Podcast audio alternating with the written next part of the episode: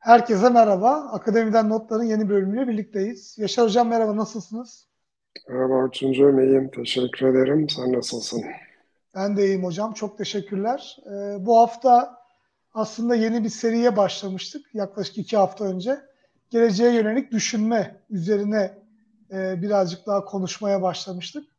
İlk e, bölümünde geleceğe yönelik düşünmeyi aslında genel olarak değerlendirmiştik. E, bununla beraber e, daha sonraki haftada birazcık kütüphaneler üzerine odaklanmaya çalıştık. Bizim e, genelde bir seri yakaladığımız zaman bellek kurumlarının hepsini teker teker ziyaret ediyoruz. Bu bizi aslında konu açısından da biraz rahatlatıyor, mutlu ediyor diye düşünüyorum. Ama güzel oluyor bence bunları ayrı olarak almak. Bugün arşivler üzerine konuşacağız. Önümüzdeki haftada eğer herhangi bir sıkıntı olmazsa müzelerle devam edeceğimizi söyleyebiliriz. Böylece bellek kurumları serimizi e, yine farklı bir konu üzerinde oluşturmuş olacağız. E, bu arada sevgili Mustafa Akgül hocamızın e, vefatının e, yıl dönümüydü geçtiğimiz günlerde. E, özgürlüklerden bahsediyoruz. Türkiye'deki e, internetle ilgili işte e, burada bizim e, kültürle ilgili çalışmalardan bahsediyoruz. Kendisi de e, uzun yıllar hep bu konularda e, çalışmıştı. İnternetin geleceğiyle ilgili aslında Türkiye'deki özellikle çok fazla çalışmada bulunmuştu. E, keşke e, aramızda olsaydı ve onu da bir akademiden notlar programında ağırlasaydık. Onun geleceğe yönelik düşüncelerini, internetle ilgili, özgürlüklerle ilgili düşüncelerini de e, görebilseydik, duyabilseydik diye e, düşünüyorum. Kendisini de çok özlediğimizi e, bir kez daha ifade ediyorum. E, umarım yaptığı çalışmaları biz de e, çok az da olsa belirli noktalarda ileriye götürmeye e, gayret ediyoruz. Bunu başarabilmeyi de ben ümit ediyorum diyeyim hocam. Geleceğe yönelik düşünmeyle ilgili çok kısa bir özet geçelim mi arşivlere geçmeden önce, odaklanmadan önce siz nasıl bir giriş yapmak istersiniz hocam? Ya evet, 5 yıl geçmiş bile değil mi? Evet, ee, evet hocam. 5 yıl kaybedeli maalesef. Ee, zaman çok çabuk e, geçiyor. Ee, sen e, bir dizi yakaladık mı suyunu çıkarıyoruz dedin ama aslında e, şimdi biz Türkçe'de KAM diye girdi biliyorsun. Kütüphaneler, arşivler, müzeler. Fakat İngilizcesi bunun uzadıkça, Galeriler. uzadıkça uzuyor. Evet. Ee, önce galeriler eklendi, glam oldu. Arkasından evet. bir de sonuna R eklendi, records, e, belgeler anlamına. Dolayısıyla aslında e, yani... Be beşe kadar yolu var diyorsunuz, çıkabilir yani. Daha, daha da uzatmak e, mümkün ama e, en azından hani e, Türkiye'de de biliyorsun e, KAM konferansları e, düzenleniyor her yıl e, son birkaç senedir. Dolayısıyla ıı, istense tabii ki daha spesifik olarak onlara da girilebilir ama e, şöyle bir e, şeyi de hemen belirtelim. Yani her ne kadar glamour dediğin zaman beş tür şey giriyor da giriyorsa da işin içerisine biz elbette daha e, genel bir bakış açısıyla e, geleceğe yönelik düşünme, future thinking olayını bu kurumlar, bellek kurumları açısından masaya yatırmaya çalışıyoruz. Yoksa galeriler, e, arşivler, e, müzeler vesaire konusunda e, yani en azından ben uzman olduğumu elbette söyleyemem ama geleceğe yönelik düşünce sadece belirli bir hani sektörle örneğin kültürel miras sektörüyle vesaire ilgisi ilgili bir alan değil her alanla e, ilgili olarak geleceğe yönelik düşünme egzersizlerini yapmamız gerekiyor. Senin de söylediğin gibi ilk hafta spesifik olarak bu o, şeye değinip hani e, bir şekilde e, gelecekte karşılaşılması muhtemel meydan okumalarla nasıl e, başa çıkılabilir sorusunu cevaplamaya yönelik çeşitli e, araçlar, teknikler kullanarak işte senaryolaştırma gibi, e, beyin fırtınası gibi vesaire e, bir şekilde e, daha e, hani bu senaryoları vesaire gözden geçirerek gelecekteki değişimlere daha hazırlıklı olma ve daha iyi kararlar verebilme amacıyla yapılan bir şey bu. İlk programda da söz etmiştik yani e, bırakınız kurumlar bazında vesaire alınmayı, e, ele alınmayı. İşte bugün Avustralya gibi, Singapur gibi ülkelerde pekala bu future thinking e, yaklaşımı çok daha üst düzeyde, yönetişim düzeyinde ele alınıp e, ona göre e, politikalar geliştirilmeye, e, düşünce egzersizleri yapıp bunlara göre pozisyon belirlemeye çalışılıyor. Tabii bellek kurumları olarak kütüphaneler, arşivler vesaire de bundan hani soyutlanamaz. Sonuçta bizim yıkıcı teknolojiler dediğimiz teknolojiler bütün alanları enlemesine kesiyor ve her birini etkiliyor. Yani eğitimden eğlenceye, ne bileyim teknolojiden tıbba vesaireye kadar. Bunu zaten günümüzde işte yeni çıkan teknolojilerde de sürekli görüyoruz. En tipik örneği son 5-10 yıl içerisinde yeniden doğan yapay zeka ve makine öğrenimi e, uygulamaları. Bunlar ister istemez e, günlük yaşamda sadece bireysel olarak e, insanların yaşamlarını değil, aynı zamanda kurumların e, yaşamlarını da, pozisyonlarını da ister istemez etkiliyor. E, dijital dönüşüm konusuna tekrar tekrar değiniyoruz ama e, tabii dijital dönüşüm, özellikle verileştirme diye e, Türkçe'ye çevirebileceğimiz dataification olayı, e, o da enlemesine kesen bir e, yönelim, trend aslına bakılırsa. E, dolayısıyla geleneksel e, bellek kurumları, kütüphaneler, arşivler vesaire gibi bu verileştirme e, eğilimleri, gelişmeleri sonucu aslına bakılırsa birer büyük veri işleyen örgütlere dönüşüyor, kurumlara dönüşüyor. Yani Sadece bellek kurumları değil tabii, diğerleri de aynı şekilde.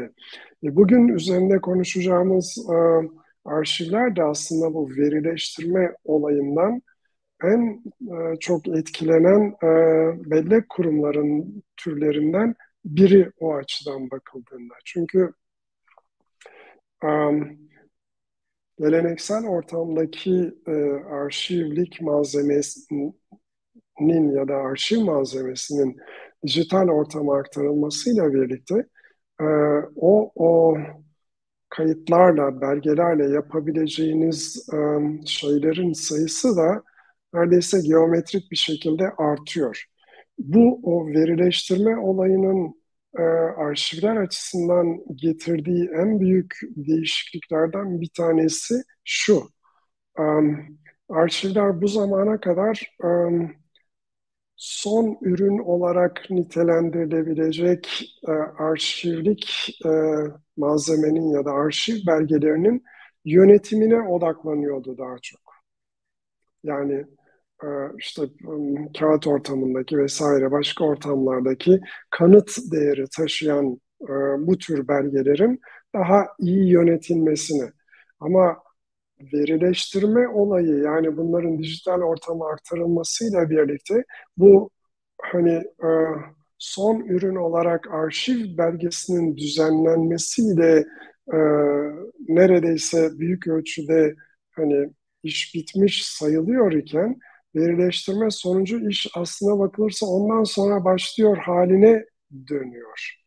E, bu hem geçmişe yönelik e, analog ortamdaki e, arşiv belgelerinin dijital ortama aktarılmasından sonraki e, süreci etkileyen bir gelişme hem de zaten dijital ortamda doğan arşiv belgeleri açısından da. Yani e, mesleki açıdan bakıldığında çok daha proaktif olunmasını e, bir şekilde e, zorlayan bir gelişme, verileştirme, dataification olayı bu açıdan bakıldığında. E, bu aynı zamanda arşivlerin geçmişteki düzenlenme biçimlerini de çok yakından etkileyip onları da değiştiren bir gelişme. Yani geleneksel yaklaşımda daha çok e, provenans e, denilen ve işte e, belirli bir arşiv belgesinin mülkiyetini, zamanını, ne zaman yaratıldığını vesaire öne çıkarıp ona göre düzenlemeyi getiren işte fonlar, e, seriler, dosyalar ve işte spesifik arşiv belgesi e, biçiminde tanımlanan malzemeler. Bugün bu verileştirme işlemi sonucu ister istemez e, daha farklı şekilde örneğin o arşiv belgelerinin içeriğini yapay zeka ya da makine öğrenim uygulamaları aracılığıyla e, konu modelleme algoritmaları aracılığıyla e, değerlendirip farklı arşiv belgeleri arasında ilişki kurmaya ve oradan da giderek bağlı veri diye daha önceki programlarda incelediğimiz bir kavramın çok daha öne çıkmasını sağlıyor. Yani e, geleneksel ortamdaki e, bu provenansa e, ve e, özgün e, e, sıraya dayalı e, olan düzenleme giderek yerini e, yani bunlar arasındaki ilişkileri kurarak e, erişim sağlama e, ve buradan giderek de e, dijital ortamdaki kanıt değeri taşıyan belgelerin um, hani um, yaratılması, e, yakalanması, düzenlenmesi, çoğaltılmasına yönelik bir disipline dönüştürüyor o arşiv malzemelerinde. Oysa geleneksel olarak baktığımızda e, örneğin e, demin sözünü ettiğim bu o arşiv belgeleriyle son ürün olarak e, ilgilene gelen arşivcilik mesleği ister istemez kendisini e, bu daha bu belgelerin yaratılması sırasında o süreçlere e, bir şekilde angaje olan bir meslek haline dönüşmüş olarak buluyor kendisini. Yani şunu söylemeye çalışıyorum. Genellikle hani arşivler işte ne bileyim en azından geleneksel arşiv türlerinde ya aradan 50-100 sene geçer ne kalırsa artık onlar da arşiv malzemesi olur. O müzelerde de aynı yaklaşım dereceye kadar söz konusuydu. Yaklaşımıyla koleksiyon edinen, biriktiren şeyler çok genelleştiriyorum bunun farkındayım ama yani çoğu zaman öyle işte oluşacak olay ondan sonra da geriye kalanlar e, e, arşivde bir şekilde düzenlenecek, delil değeri taşıyacak vesaire. Halbuki bugün bırakınız e, yani e, onlarca sene beklemeyi bazı e, arşiv malzemeleri için hani e, günler, aylar bile çok uzun süre. E, eğer o süre içerisinde yakalayamazsanız bu arşivdeki malzemeyi e, uğurlar ola e, demeniz gerekiyor. Onun için Hocam, diyorum yani bir yandan bu süreçte yer almaları gerekiyor. Yani bir yandan da artık neyin belki de arşiv olduğu, neyin aktif olarak kullanılacağı, neyin aslında örneğin müze üzerinde sergilenecek kısımları bile birbirinin içine geçmiş durumda bir yandan da bence. Çünkü sizin özellikle bu arşiv işleme ile ilgili olan kısımda elektronik yapıyla beraber sürekli olarak bu arşivden malzemenin kullanılması veya oradaki e, bir şekilde verinin aslında sizin e, dermenize dönüşmüş bir şekilde sürekli kullanıma açık hale gelmesi de söz konusu. Burada tabii e, belki arşivler e, görece e, kütüphanelere göre daha geri planda belki de hizmet anlamında e, daha az daha spesifik hizmet veren bir kurum olarak gözüküyordu ama e, bence e, günümüzde kütüphanelerden belki de daha ön plana çıkacak. Özellikle bu büyük verinin erişimi bunlarla ilgili çalışmalarla birlikte. Orada bir şekilde kütüphanelerden daha büyük meydan okumaların olduğunu söyleyebilir miyiz? Sanki bana birazcık daha öyle geliyor. Önümüzdeki süreçte arşiv yapıları çok daha büyük değişimler yaşayabilir kütüphanelere göre. Öyle gözüküyor. Yani e, şöyle söyleyeyim, e, özellikle arşivler açısından bakıldığında demin sözünü ettiğimiz hani bu son ürün olarak arşiv belgelerinin yönetilmesine dayalı yaklaşım ister istemez değişecek. Nasıl değişecek derseniz yani e, geleneksel kütüphanelerde de olduğu gibi hani sonuçta siz e, belgeyi sağlamakla işiniz bitmiş oluyor. Onu anlamlandıran işte o bilgi ihtiyacı olan kullanıcılar oluyor. Halbuki bu verileştirme sürecinin sonucunda e, sadece bunu sağlayıp ya işte bunu nasıl anlamlaştırırsan anlamlaştır deyip işin içerisinden çıkmak yeterli olmuyor.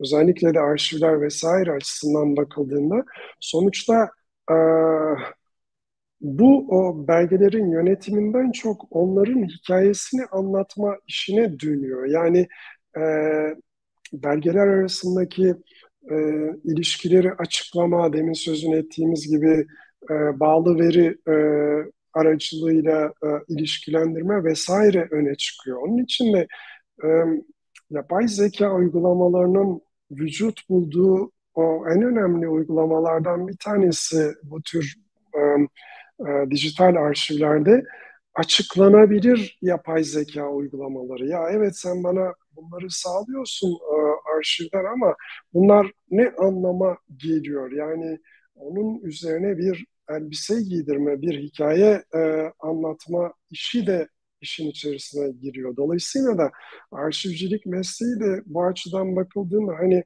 e, daha çok böyle e, bu belgelerin içerdiği bilgileri, kanıtları anlamlandırma, e, bunlarla ilgili hikayeyi e, bir şekilde zenginleştirme, e, bu o belgelerde anlatılanlara bir bağlam kazandırma ve bununla ilgili eğitim etkinliklerinin öne çıkacağı bir meslek haline de dönüşüyor aynı zamanda.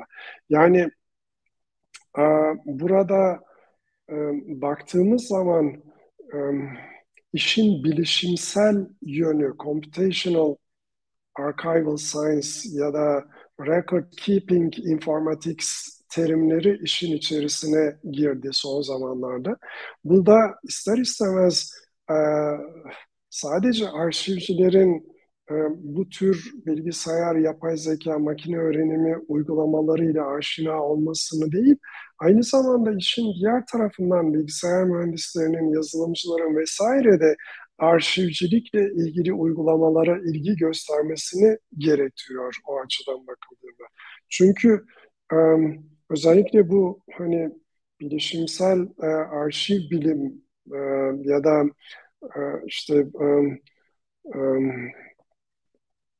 belgeleme e, informatiği artık e, Türkçesini e, olacaksa bununla ilgili olarak gerçekten de e, kurumların e, daha işin başından bu tür uzmanlığa ne kadar büyük ihtiyaç duyduklarını ortaya çıkaran bir şey. Çünkü biraz önce sözünü ettiğimiz e, hani ölen ölür kalan sağlar bizimdir yaklaşımı bizi e, herhangi bir yere götürmüyor. Mesela onlarla ilgili bir örnek vereyim.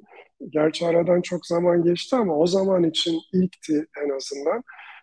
Obama'nın ilk dönemine gelene kadar e, Amerikan başkanlarının eline cep telefonu verilmiyordu. Yani bütün iletişimini bir şekilde kendileri için önerilen telefonlardan vesaire yapması isteniyordu.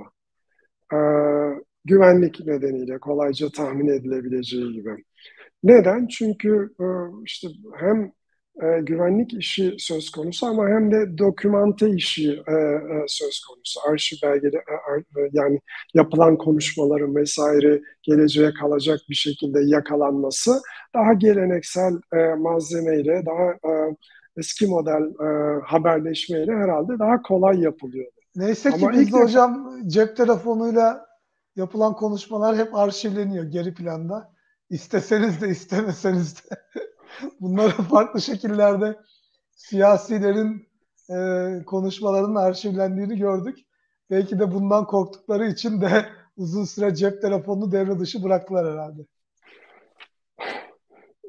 Evet yani o, o işin bir başka yönü tabii ama e, Obama dönemin ilk dönemindeki uygulamaya geri dönecek olursak yani o, o buna kazan kaldıran ilk Amerikan başkanı oldu. Ben vermiyorum telefonumu diye e, FBI'ya.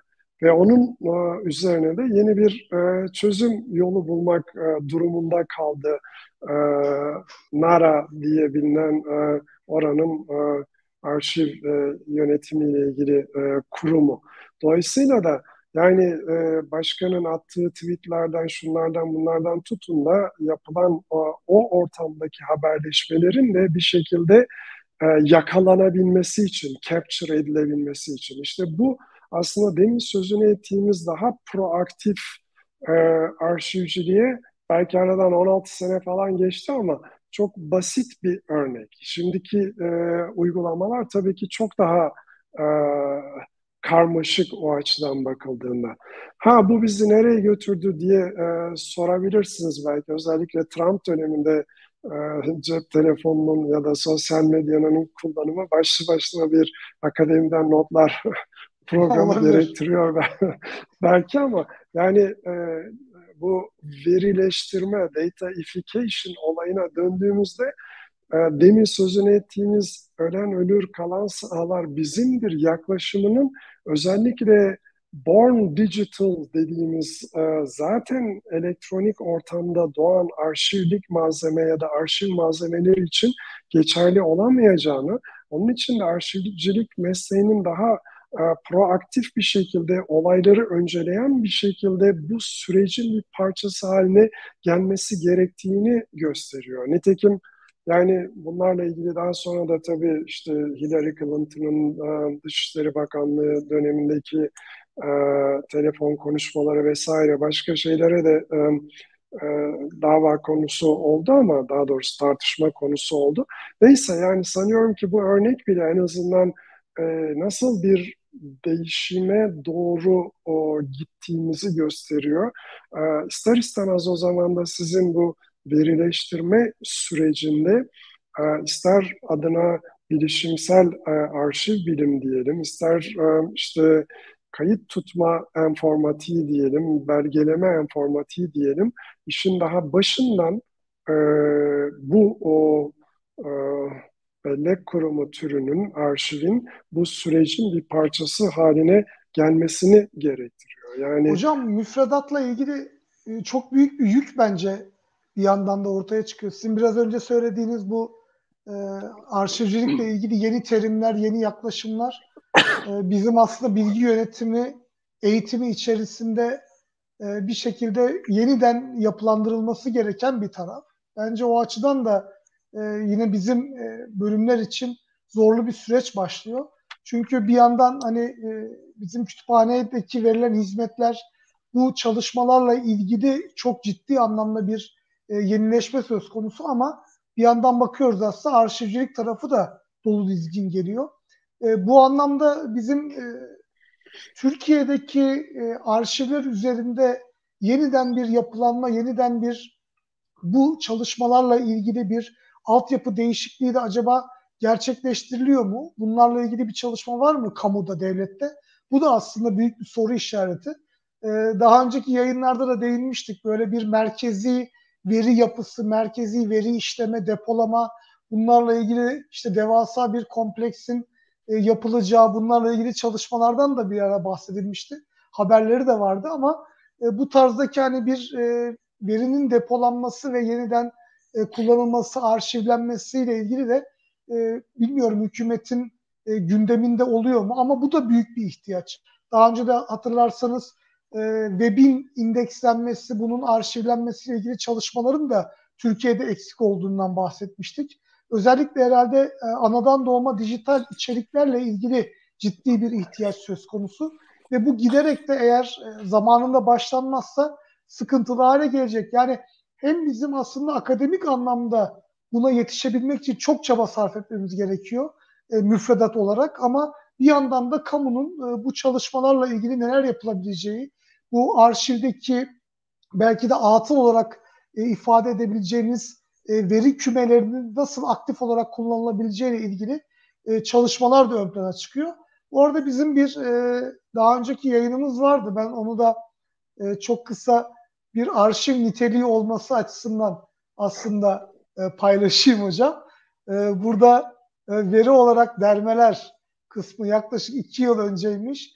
E, sizin saç stiliniz, e, benim saç stilim vesaire bunlar da bir arşiv niteliği olarak paylaşalım. Ben bunun bağlantısını eklerim. Aslında burada biraz e, veri olarak dermelerde buna biraz değinmiştik aslında.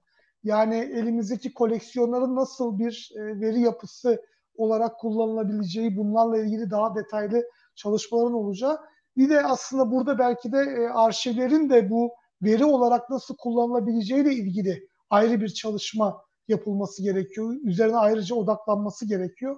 E, çünkü gerçekten bizim e, arşivden çıkartılıp kullanılması, tekrardan arşive yerleştirilmesi gibi bir süreç belki artık devre dışı kalacak. Sürekli arşivlerin kullanılabilir halde olacağı bir yapıya doğru devam edilmesi gerekecek.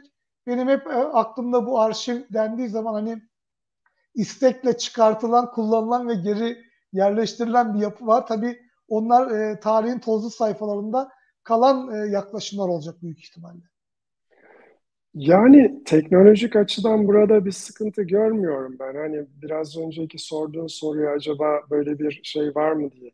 Aslında biliyoruz ki e, bizim arşivlerimizde de milyonlarca belge e, yani geleneksel belge, arşiv belgesi zaten dijital ortama aktarılmış durumda. Ama e, programın girişinde dediğimiz gibi e, benim gözleyebildiğim, uzaktan gözleyebildiğim özellikle de sonradan olma e, dijital arşiv belgeleri açısından bakıldığında buradaki yaklaşım hala bu o belgeleri dijital ortama aktarılmış olsa bile e, birer son ürün olarak alıp onları e, bu şekilde yönetmeye yönelik bir yaklaşım. Yani senin dediğin gibi işte belgeyi bir şekilde e, isteyene e, sun ama onun ötesine çok fazla bir şey yapma. Kaldı ki orada bile yapılacak çok şey var. Bugün herhangi bir e, arşiv kurumuna e, girmeye çalışsanız mutlaka işte sizin annenizin kızlık soyadından tutun da bu bilgiyle ne yapacağınıza kadar bir sürü soru soruluyor.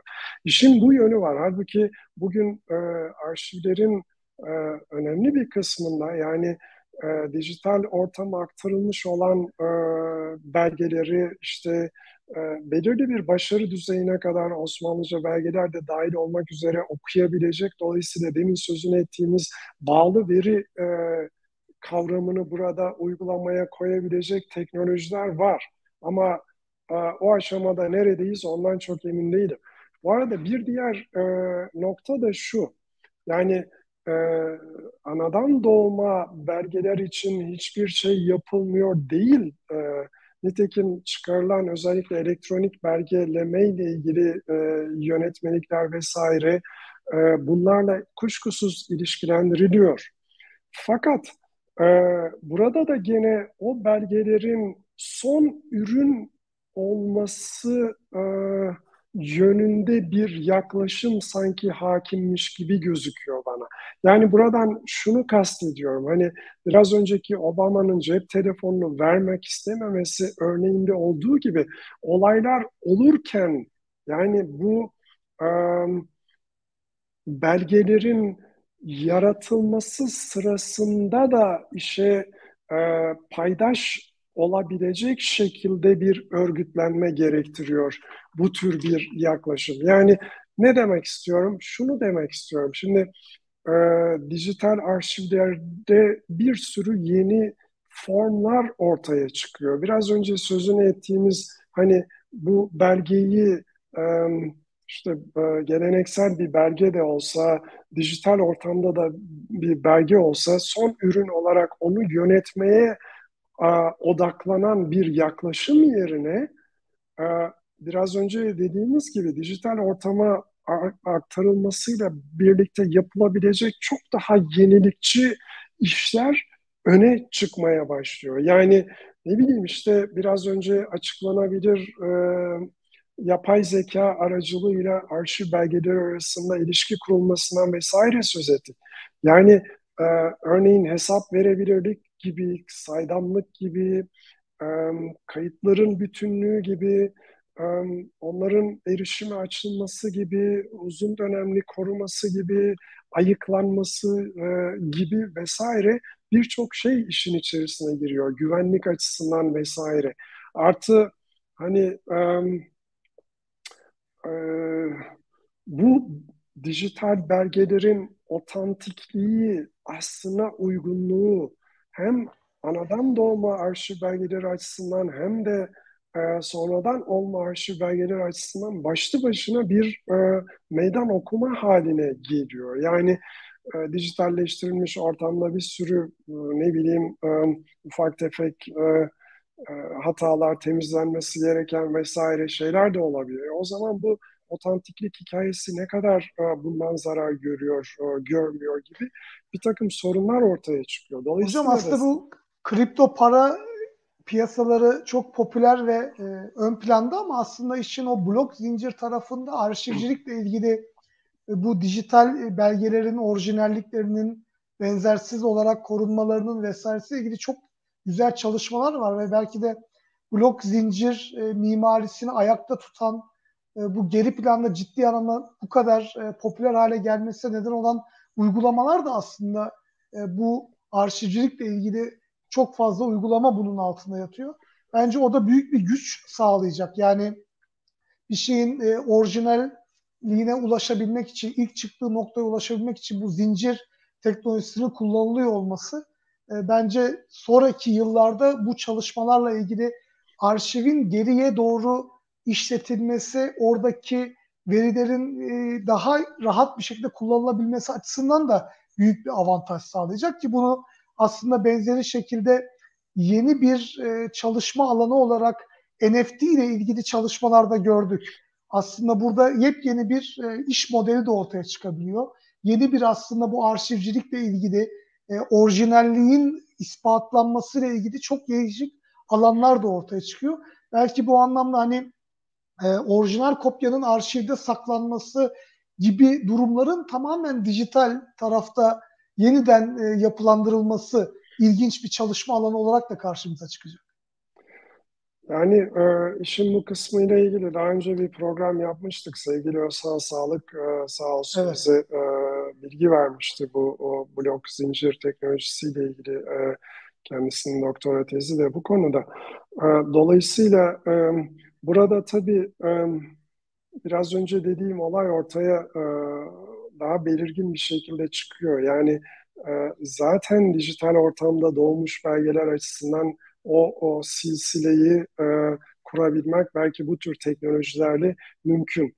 E, yani belki diyorum çünkü biliyorsun henüz orada da tamam bütün sorunlar çözülmüş gibi bir durum söz konusu değil. Keşke öyle olsa. Şimdi onu yani e, teknik açıdan e, giremeyiz belki ama söylemek istediğim bu o yaklaşımın demin sizin, senin sözünü ettiğin hani e, belgelerin son ürün olarak yönetimin yaklaşımının değişip hem uygulamada hem eğitimde vesaire biraz önce sözünü ettiğimiz bu e, temel kavramların işte e, hesap verebilirlik gibi, açıklanabilirlik gibi, bütünlük gibi, ne bileyim koruma gibi bir takım kavramların bu yeni e, arşiv malzemesi, e, arşiv belgeleri ya da arşivlik belgeler için gün be gün kullanılması gerekiyor e, o açıdan bakıldığında. Dolayısıyla da buradaki hani e, olayları sadece e, son ürün olarak e, arşivlere eski deyişle intikal eden belgeler üzerinden yürütmek de yeterli değil. Yani bugün sonuçta birçok çevremizde işte nesnelerin interneti dediğimiz, e, sosyal medya hikayeleri dediğimiz vesaire e, bir takım şeyler geliyor. Yani daha e, belki 15 seneyi geçti, 20 seneyi işte e, e, Library of Congress'e e, bütün Facebook ve e, Twitter e, işlem kütükleri periyodik olarak veriliyordu. Ama Library of Congress, Kongre Kütüphanesi bunlarla ne yaptı derseniz henüz hiçbir şey yapmadı benim bilebildiğim kadarıyla. Halbuki hani e, tamam Kongre Kütüphanesi belki bir e, NARA değil, e, Amerikan Ulusal Arşivcilik e, e, belge kurumu değil ama sonuçta e, bu kadar e, büyük ölçekli yakalanmış e, olan verilerin o, o son ürün olarak arşiv belgesini alan yaklaşımla halledilmesi mümkün değil. Nitekim halledemedi de bildiğim kadarıyla kongre kütüphanesi. Çünkü onun için farklı bir e, yaklaşım, bir paradigma değişikliği gerekli. Bu konuda yeterince e, hani proaktif değil arşivler.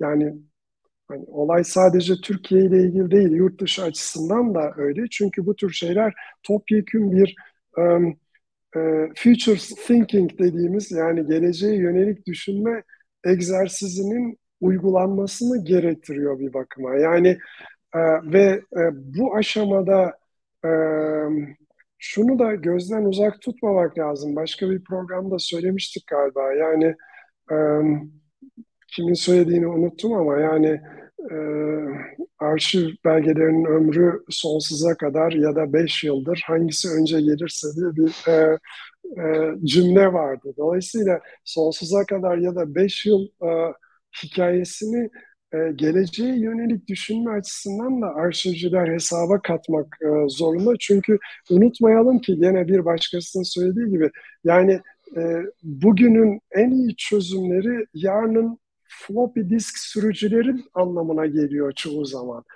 Dolayısıyla da bu tür kaygan bir zeminde hani e, e, tamam bu işi kökünden çözdük adı ister NFT olsun ister başka bir şey olsun yaklaşımı da e, hani e, dikkatli olunması gereken bir yaklaşım e, hocam, açıdan. Ulakbim'in ilk kuruluş yıllarında e, CD kulelerinin gelmesi ve heyecan o yaratılan heyecan şu anda tabii yerinde yok. O şekilde bahsettiğiniz gibi ama e, yani buradaki tabii internet üzerindeki veri akışıyla ilgili e, çözümlerin üretilmesi de e, bence önemli. E, burada bizim Türkiye'deki çalışmalarda aslında bu tür bir arşivleme olmadığı için de tam bilemiyoruz. Yani uygulamalar nasıl e, gerçekleştirilebilir. İşte internet archive gibi bir e, platformda bir arama yapmak, bir geriye doğru dönüş e, sağlamak da çok mümkün olmuyor. E, Türkiye'de bu şekilde bizim daha önce de konuştuğumuz hani kaybolmuş bir takım içerikler de söz konusu. Daha önce sohbeti geçmişti mesela Radikal Gazetesi'nin e, işte eski sayılarına ulaşılamaması veya işte dijital ortama döndükten sonra tekrardan erişilememesi vesaire şeklinde. Tabii biz belki daha henüz koruma tarafında sıkıntı yaşadığımız için bunların tekrardan kullanımıyla ilgili olarak e, veya işte bunların veriye dönüşmesiyle ilgili olarak da geleceğe yönelik bir düşünme oluşturmak e, çok da kolay olmuyor ama burada belki de e, ilgili STK'ların mı, akademinin mi bu konularda bir takım çalışmalar veya pilot projeler geliştirmesi gerekiyor. Ulakbim'in benzeri çalışmaları var aslında. Mesela Türkiye Akademik Arşivi diye o harman sistemi belki de bununla ilgili güzel bir çalışma. Daha önceden bir toplu katalog çalışmasında üst verilerin toplanıp e, kullanılması vardı. Bunlarla ilgili çalışmalar vardı. E, belki de hani buradaki uygulamaların sonraki yıllarda nasıl araştırmacılara veya topluma fayda sağlayacağıyla ilgili çalışmalar e, gerçekleştirilebilse güzel olur ama bunu ben işte bildirilerin sunulduğu, makalelerin sunulduğu, yeniliklerin e, anlatıldığı vesaire yerler olarak düşünmüyorum ama bu sohbetlerin e, yapılması veya bu e, fikir alışverişlerinin gerçekleştirilmesi için bu grupların bir araya geleceği bir yapının oluşturulması da gerek herhalde. Biz pandemiyle beraber acaba biraz onları e, kaybettik mi diye düşünüyorum. Mesela e, belirli toplantılar oluyordu bu sizin de belirttiğiniz gibi. Yine benzeri toplantılar var. Ankara Üniversitesi'nin düzenlediği E-Beyaz toplantısı var vesaire ama buralarda böyle birazcık daha açık forum gibi birazcık daha fütüristik konularda e, sohbetler dile geliyor mu veya işte gelecekle ilgili konuşuluyor mu? birazcık da aslında belki böyle bir şeyde ihtiyaç var diye düşünüyorum. Evet, e, kesinlikle. Yani e, bu o işte her e, kesimin kendi adasını yaratması ve o ada dışındaki diğer adalara herhangi bir ilgi göstermemesi artık hiçbir disiplinde kabul edilebilecek bir şey değil. Yani bugün arkeoloji disiplini tamamen e, nasıl e, e, şekil değiştirdiyse bir şekilde e, aklınıza gelebilecek bütün disiplinlerle e, ilişki kurmak zorundaysa e, arşivcilik de e, kütüphanecilik de öyle, bilgi bilim de öyle o açıdan bakıldığında. Dolayısıyla da buradaki o topyekün yaklaşımı e, sadece hani teknik açıdan işte bağlı veri vesaire e, e, yapay zeka, makine öğrenimi kurallarının kullanılması vesaire açısından değil, aynı zamanda e, arşivlerin toplumsal yaşamdaki işlevi açısından da değerlendirmek gerekiyor. Yani hepimiz biliyoruz ki e, büyük ölçüde aslına bakılırsa e, arşivler e, bir şekilde resmi e, hikayeyle ilgili e, şeyleri daha çok tutuyor ve bu yönüyle de aslında kanıt değeri taşıyan belgeler söz konusu olduğunda belki de daha çok resmi açıdan kanıt değeri taşıyan ve dolayısıyla da bu yönüyle zaman zaman toplumsal kontrol aracı olarak da kullanılan bir yapıya bürünebiliyor. Ama işin içerisine sosyal medyanın vesaire girmesiyle birlikte e, arşivcilikle ilgili yaklaşımın değişmesi belki de sadece resmi kanıt değeri taşıyan şeylerin değil, diğer yollardan gelenlerin de kullanılmasını gerektiriyor. Yani e, iki örnek vereyim. Birincisi gazetecilikten e, henüz sosyal medyanın e, yeni ortaya çıktığı yıllarda bizim tam Amsterdam havaalanına iniş sırasında bir uçağımız düşmüştü mesela. O zaman tabii yapılan şeylerden bir tanesi biraz önce, bir an önce CNN'in, şunların bunların olay yerine gazeteci gönderip işte oradan fotoğraf almak vesaire falan ona uğraşıyorlar. Ama İlk fotoğraf işte aslında olay yerinde bulunan bir kişinin sosyal medya aracılığıyla gönderdiği fotoğraf oldu aynı zamanda ve CNN haldır haldır bu vatandaşın kim olduğunu çünkü işte telif hakkı bilmem ne bulup ona göre bunu yayınında kullanmak için uzun zaman harcamak zorunda kaldı. Sözü şuraya getirmek istiyorum. Yani bu tür durumlarda nasıl ki resmi e, kanıt değeri taşıyan şeylerin yanında pekala e, gayri resmi yollardan ge, ge, gelmiş ama e, resmi kanıtın olmadığı bir yerde kanıt değeri taşıyan bir şey önemli hale geliyorsa aynı şey e, e, arşivler açısından da önemli. Yani biraz önce sözünü ettiğim proaktif yaklaşım e, bizim en azından arşivcilik şeyimizde zaten çok rastlanan bir durum değil ama yani belge olduktan işte bir şekilde e, intikal ettikten sonra buna yönelik e, e, yönetim bizde çok daha baskın. Ama yurt dışında örneğin biraz önce sözünü ettiğim resmi kanallar dışında kanıt değeri taşıyan şeylere ulaşmak için de büyük çaba sarf ediyor arşivciler. Yani ne bileyim kendi e, bahçemizden örnek verecek olursak bugün diyelim ki bir e, Soma ya da Roboski katliamı ile ilgili neler var e, kanıt değeri taşıyan resmi kanıtlar dışında arşivlerimizde dediğimizde ben çok zengin olduğunu düşünmüyorum bu açıdan bakıldığında. Ama tam da işte o son ürün olarak arşiv belgesini almak yerine proaktif davranmak dediğim şeyler bunları e, içeriyor bir bakıma. E, işin bu yönü belki de çok daha önemli hale gelecek. Yani arşivlerin demokratikleşmesi, işte seslerini duyuramayan kesimlerin de seslerini duyurmasına yol açması vesaire açısından. Nasıl ki Şiphol'e e, yakınına düşen Türk Hava Yolları uçağı ile ilgili ilk görüntüyü bir vatandaş e, bir şekilde gönderdiyse aynı şekilde belki de e, bu tür e, şeylerin e, kanıt değeri taşıyan belgelerin e, ulaşması konusunda da e, arşivlere aslında bakılırsa e, daha büyük görev düşecek gibi gözüküyor. Ama bu bir düşünce değişikliği gerektiren e, bir e, e, şey gibi geliyor bana. Ne zaman e, e, olur olmaz o konuda spekülasyon yapmak doğru değil o açıdan. Hocam e, izleyicilerimizden de bazı görüşler var, e, bazı sorular da var. Mehmet Erken Bey e, aktarmış bu İzmir'deki belediyelerde bir dijital dönüşüme yönelik ilgi var ve şu anda bu dijital e, dönüşümle ilgili de aslında belediyelerin e, bu konularda tecrübeli arşivci arayışları söz konusu. Yetişmiş uzmanlara, kütüphanecilere ihtiyaç var. E, acaba bu konuda bizim yeterli donanıma sahip mezunlarımız var mı? Bunları e, yetiştirebiliyor muyuz diye e, kendisi aktarmış ve bu konudaki düşüncelerimizi e, sormuş.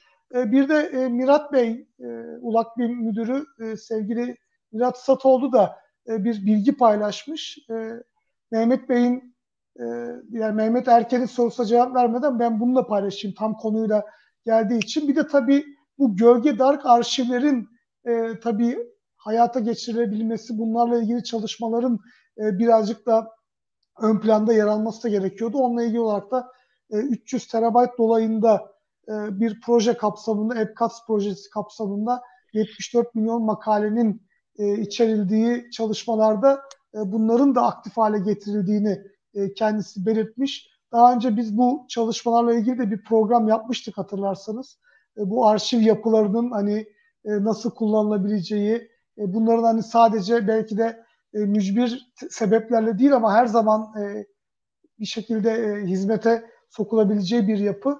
Bu EPCATS projesini de izleyicilerimiz inceleyebilirler. Bu kapsamda Ulakbem'in e, yaptığı hizmetlerden bir tanesi olarak karşımıza çıkıyor. Çok teşekkür ediyoruz Mirat Bey'e paylaşımından dolayı. Mehmet Erken Bey'in e, sorusuna siz nasıl bir e, cevap vermek istersiniz? Biraz değindik ama bu büyük bir meydan okumaya dönüşüyor bilgi yönetim bölümleri için de dedik. yani her alanda bizim yeniden müfredatı gözden geçirmemiz gerekiyor. Bunu arşivleri de tabii dahil etmemiz lazım.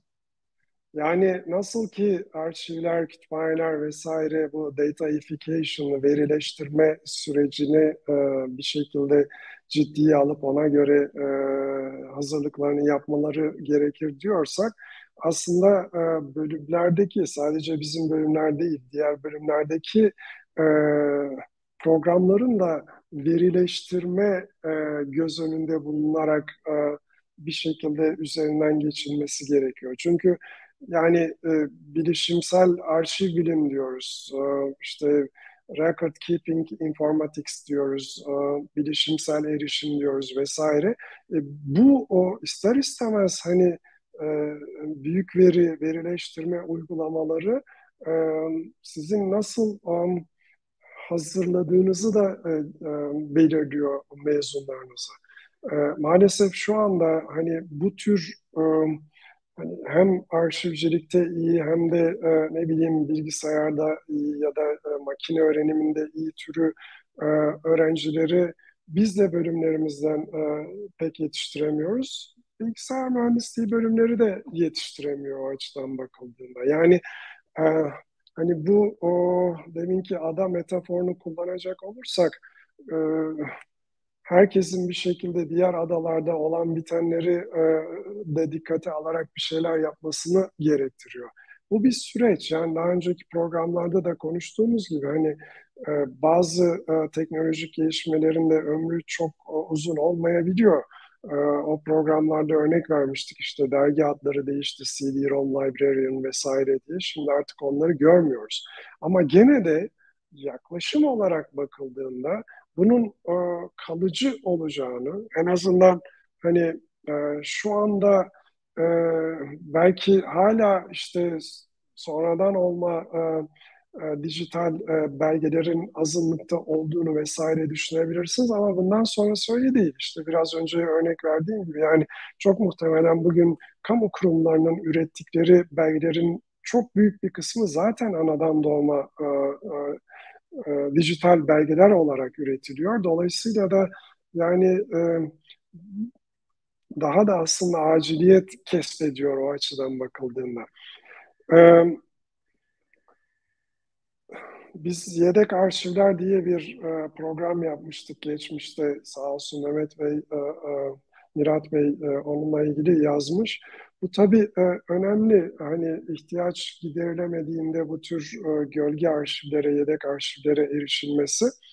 E, bu programda tabii daha çok böyle yani ne diyeyim gene onların da adları arşiv ama kanıt değeri taşıyan kurumların resmi işlemleri sonucu oluşturulmuş devlet arşivleri gibi vesaire e, konular ağırlıklı oldu. Belki de işin bu yönüne de e, dikkat çektiği için e, onunla ilgili olarak da konuşmak lazım. Çünkü olay sadece e, resmi e, işlemler sonucu oluşan kanıt değeri taşıyan belgeler değil, e, onun dışında bilimsel açıdan kanıt değeri taşıyan şeyler de e, önemli hale geliyor.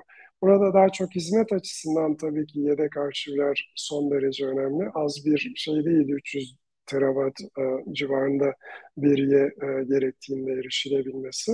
E, bu da işte e, yani ileriye yönelik olarak demin sözünü ettiğimiz belki de uygulamaların laboratuvarı gibi aslında kullanılabilir. E, e, bu tür e, arşivlere sahip olan Cumhurbaşkanlığı, devlet arşivleri vesaire gibi yerlerde bu saydamlık, işte e, ne bileyim erişim vesaire gibi e, olayları e, örgütleyebilmek açısından diye düşünüyorum. Um, burada belki kaba taslak birkaç başlık halinde bugünkü özellikle hani arşivlere yönelik geleceğe dönük düşünme, geleceğe yönelik düşünme, future thinking yaklaşımına bir başlangıç oluşturması açısından birkaç noktaya belki dikkat çekmek mümkün olabilir. Her şeyden önce arşivlik malzemenin ya da arşiv malzemesinin düzenlenmesi açısından dijitalleşmenin getirdiği yaklaşımlara daha fazla kulak vermemiz gerekiyor. Bu programda biraz önce sözünü ettiğimiz işte e, fonlar, seriler, dosyalar, ne bileyim e, tek tek e, e, arşiv belgeleri yaklaşımından öteye e, topyekün e, bu o, e, demin senin gösterdiğin veri olarak koleksiyonlar yaklaşımı, veri olarak arşivler de diyebiliriz ona, yaklaşımının hayata geçirilebilmesi için e, farklı yollar bulmamız gerekiyor. Bu kanıt değeri taşıyan belgeleri, bilgileri e, yönetmek, çoğaltmak, e, düzenlemek vesaire açısından bakıldığında. E, her şeyden önce yani arşivleri e, bir şekilde bulunduğumuz yüzyılın ihtiyaçlarını karşılamaya yönelici, e, yönelik şekilde yeniden düzenlememiz, yeniden tasarlamamız gerekiyor. Yani arşivcilerin e, geleneksel yaklaşımdaki daha çok böyle e, e, koruyucu, custodian deniliyor İngilizce'de, koruyucu olarak işlevlerini getirmek yerine bu sadece arşivcilik mesleği için değil, bütün bellek kurumları için kullanılmaya başlanan bir sözcük oldu. Hizmetçi olarak, stewardship hizmet veren kuruluş olarak görmek lazım. Yani ister kanıt değeri taşıyan belgelerle ilgilensin, ister e, işte kanıt değeri taşımayan ama bir şekilde örneğin e, yedek arşivler aracılığıyla e, kütüphane kullanıcılarına kaynak sağlamak açısından olsun daha çok bu yöne yani işin hizmet yönüne ağırlık verme biçiminde gerçekleştirilmesi e, gerekiyor. Bir diğeri biraz önce sözünü ettiğimiz gibi bu tür e, kurumların, arşiv e, kurumlarının e, bir şekilde e, belge yaratma, yakalama, düzenleme, e, işte e, çoğaltma, yayma işlemlerini teknolojiyi kullanarak bu süreçlere e, eklemlemeleri gerekiyor bir bakıma. Yani ne, ne diyorum bu, ne diyebilirim bu açıdan bakıldığında? Örneğin işte yani ne iş yapıyorsanız yapın, ister bir kamu kurumu yönetimi olsun, ister bir araştırma projesinin yürütülmesi olsun vesaire, işin özünde arşivcilikle birlikte düşünülmesi lazım. Olay olup bittikten sonra değil. Yani başta söylediğimiz yaklaşım ya işte ölen ölür kalan sağlar bizimdir yaklaşımı değil. O açıdan bakıldığında da e, o belgelerin daha yaratılmasından başlayarak onların e, yakalanması, düzenlenmesi, risk yönetimi, güvenliği, e, ne bileyim işte belge yönetim sistemlerine eklemlendirilmesi gibi birçok şeyin işin doğası gereği en başından düşünülmesi gerekiyor. E, bu tabii ki e, arşivcilere de şöyle bir yeni rol yüklemiş oluyor. Yani e, olay oldu bittikten sonra olaya el atma değil de bu süreçlerin iyi işleyebilmesi için arşivcilerin bir bakıma danışman olarak hizmet vermeleri gerekiyor. Yani ister bu o, bireysel bazda düşünüyorsun, ister kurumsal bazda düşünüyorsun vesaire. E, bu yaklaşım tabii ki olayın olup bitmesini bekleyecek bir yaklaşım değil. Onun yerine e, daha iş başlarken ya bu kayıtlara ne olacak? Yani biraz önceki Obama örneğini düşünün cep telefonunu vermek istememesi. Dolayısıyla da o cep telefonu aracılığıyla gönderilen ve resmi e, değer taşıyan e, mesajları biz nasıl yakalayabiliriz? E, Amerikan Ulusal Belge ve Arşiv Kurumu olarak sorusuna cevap verilmesi gerekiyor. Çünkü bir arşivcilik literatüründeki makalede denildiği gibi yani nasıl ki doktorlar işte ne bileyim kişinin yani şeker hastalığının iyice ortaya çıkmasını beklemek yerine onlara daha henüz belirtiler başlar başlamaz e, tedaviye yönelik işlemler uyguluyorsa arşivcilerin de özellikle anadan doğma dijital arşiv belgeleri ya da arşivlik belgeler açısından aynı yaklaşımı sergilemeleri gerekiyor.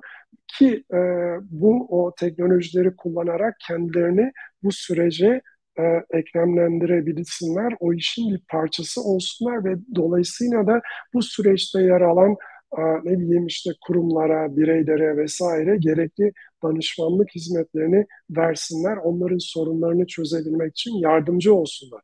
Bu da tabii beraberinde ister istemez bir şekilde bu alandaki e, farkındalığı arttırmak için e, bu o paydaşlarla çok daha yakın bir ilişkide e, bulunmayı gerektiriyor.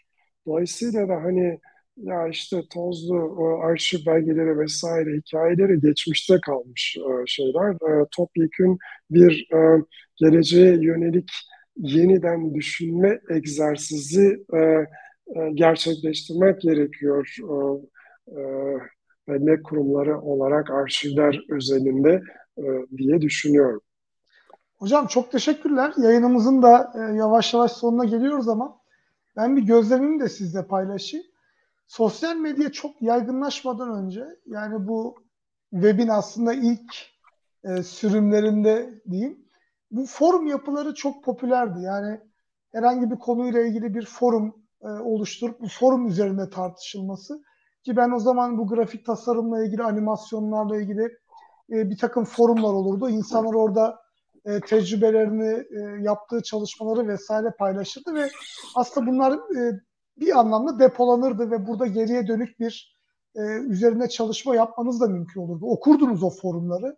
Hala bir takım forumlar var ama sosyal medyaya geçtikten sonra burada hani oraya bilgiyi atıp, veriyi atıp, yorumu atıp kaçma durumu söz konusu.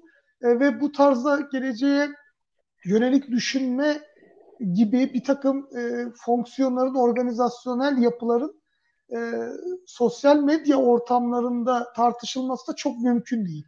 Belki bu tür e, mekanizmalara da biraz ihtiyaç var. Aslında e, bizim kendi meslek örgütlerimiz de var. Türk Kütüphaneciler Derneği gibi, e, ÜNAK gibi yeni bir takım e, STK'lar da kuruluyor. Belki bunların aslında bu dijital platformlarda bu konularda tartışılabilecek ama e-posta listesi haricinde de yapılara ihtiyacı olduğunu düşünüyorum. E, ben farklı bir organizasyondan örnek vereyim. Creative Commons'ın e, kendi alt çalışma grupları var ve bu alt çalışma grupları da sizin e, üye olmanız demek Creative Commons'a bir üyeliğinizin olması vesaire anlamına gelmiyor ama oralarda bir şekilde çalışmaları takip edebiliyorsunuz. Kendi çalışmalarınızı paylaşabiliyorsunuz.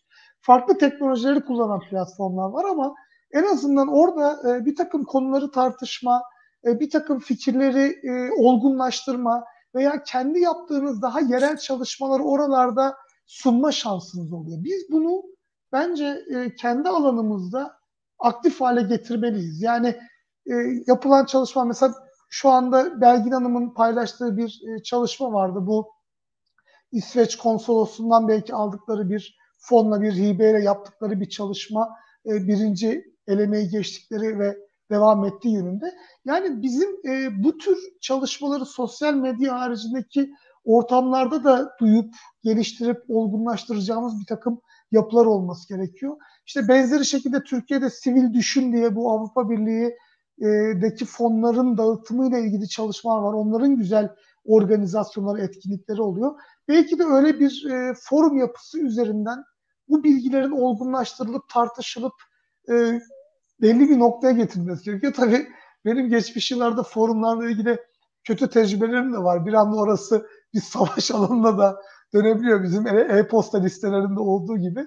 Ama hani ben şunu istiyorum gerçekten e, tebriklerin, vefatların e, veya işte atamaların e, haricinde daha böyle e, mesleki konularda tartışmaların olgunlaştırılabileceği dijital platformların da eksikliğini ben hissediyorum. E, yurt dışındaki organizasyonlarda bunun faydasını çok görüyorum ama keşke yurt içinde de bu tür çalışmalar olabilse. Örneğin Ulak Bilim özelinde işte Harman'ın, Dergi Park'ın e, tartışıldığı forumlar, e, bizim e, akademi özelinde bilgi yönetimi eğitimlerinin tartışıldığı platformlar, e, şirketlerin yaptığı teknolojiler üzerinde tartışıldığı platforma olabilse güzel mi olur? Yoksa bunları kurup bunların model edilmesi daha kötü sonuçlar mı doğru hocam? Bilemiyorum. Ya e, sen 90'ların teknolojilerinden e, örnekler veriyorsun bu tartışma listeleri vesaire ama Şimdi bu, Slack, bir, Slack var hocam. Şimdi Slack bir, üzerinden bir, gidiyorum.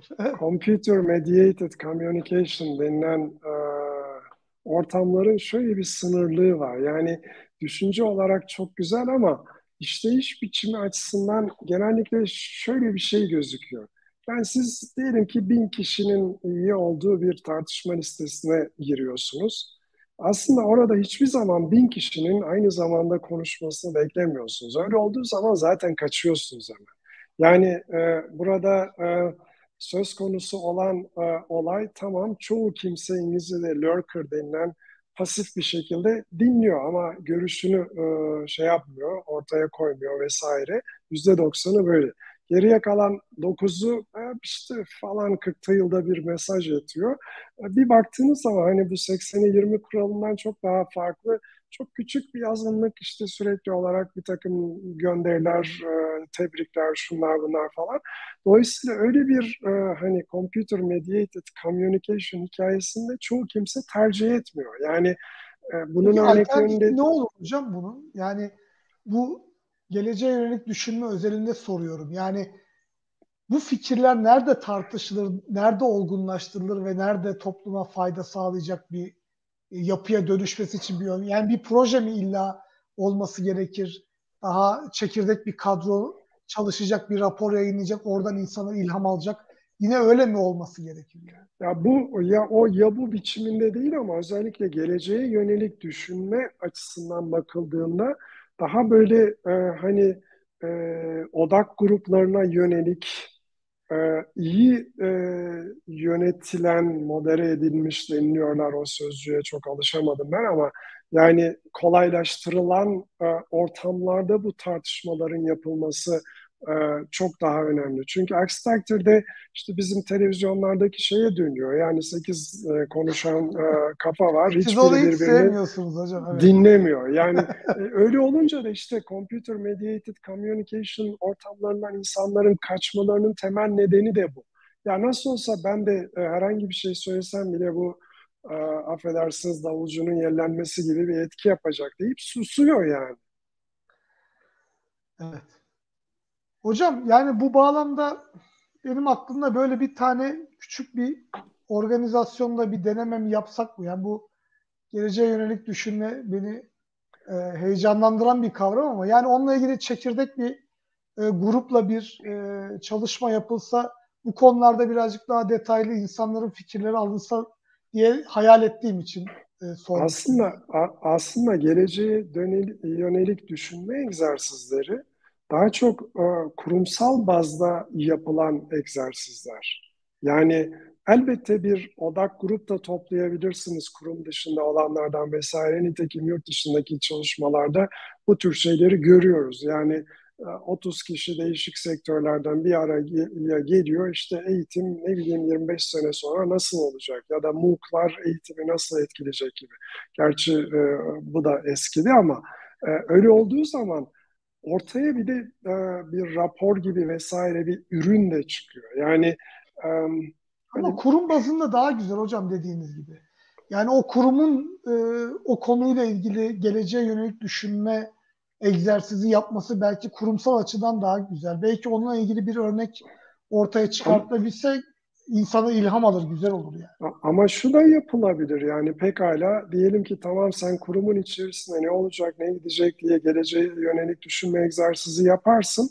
Ama aynı zamanda diyelim ki işte e, arşiv e, derneklerin ne, belge yönetimiyle ilgili dernekleri, bu işin teknolojisiyle ilgili olanları bir araya getirip aynı e, geleceğe yönelik düşünme egzersizini ulusal e, bazda da yapabilirsin.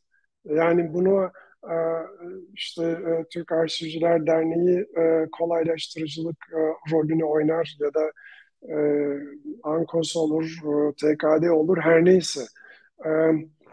Ama e, şunu söyleyeyim yani bu yönde e, girişimler geçmişte hiç olmadı değil. Genellikle sıkıntı ilk toplantı yapılıp ondan sonra ikincinin, üçüncünün gelmemesi biçiminde oluyor maalesef. Doğru hocam. Bu arada biraz e, yayın süremizi açtık. Yavaş yavaş e, tanımlayalım. E, Mesut Çetintaş'ta e, dijitalleştirdikleri çalışmalarla ilgili bir paylaşımda bulunmuş. Ben onu da yayınlayayım. Çok güzel çalışmalar gerçekleşiyor Türkiye'de. Bu da aslında e, sevindirici. E, ama belki de bundan hani bir sonraki aşamasında e, bu e, arşiv yapılarının daha etkin e, kullanılabilmesi için neler yapılabilir? Gelecekteki yansımalar neler olabilir? Bunların üzerine de durabiliriz. Hocam e, çok teşekkürler. E, geleceğe ilişkin e, düşünme ve arşivler e, etabını e, tamamladık. Tabii konuşulacak çok şey var. Bizim de ana e, aslında çalışma alanlarımızdan biri arşiv olmadığı için belki eksik kaldığımız, belki dile getirmediğimiz noktalarda olabilir. Ama benim için çok zihin açıcı oluyor. Kafamda güzel fikirler e, yer alıyor. Sizin aktardığınız bilgilerde ayrıca e, teşekkür ederim ve e, bugün katılımcılarımız da, e, izleyicilerimiz de güzel paylaşımlarda bulundu. Onlara da çok teşekkür ediyoruz. Sizin sözlerinizle yayını tamamlayalım hocam. Teşekkür ederiz Mesut Bey. E, program başında glamour kısaltmasından söz ettik İngilizce'de. Belki de e, uzayabilir o kısaltma nadir eserler ve el yazmalarını da ekleyecek bir şekilde. E, ne bileyim işte e, manuscripts, glamours e, bir yere bir şey eklemek lazım. Peki teşekkür ediyorum. Çok teşekkür ederim ben de hocam. E, önümüzdeki hafta eğer bir değişiklik olmazsa gündemimize çok büyük farklı bir konu birden girmezse e, müzelerle devam ederiz. Herkese çok teşekkür ediyoruz. Katkı sağlayan mesajlarıyla bizleri destekleyen. Görüşmek üzere hocam. İyi hafta sonları.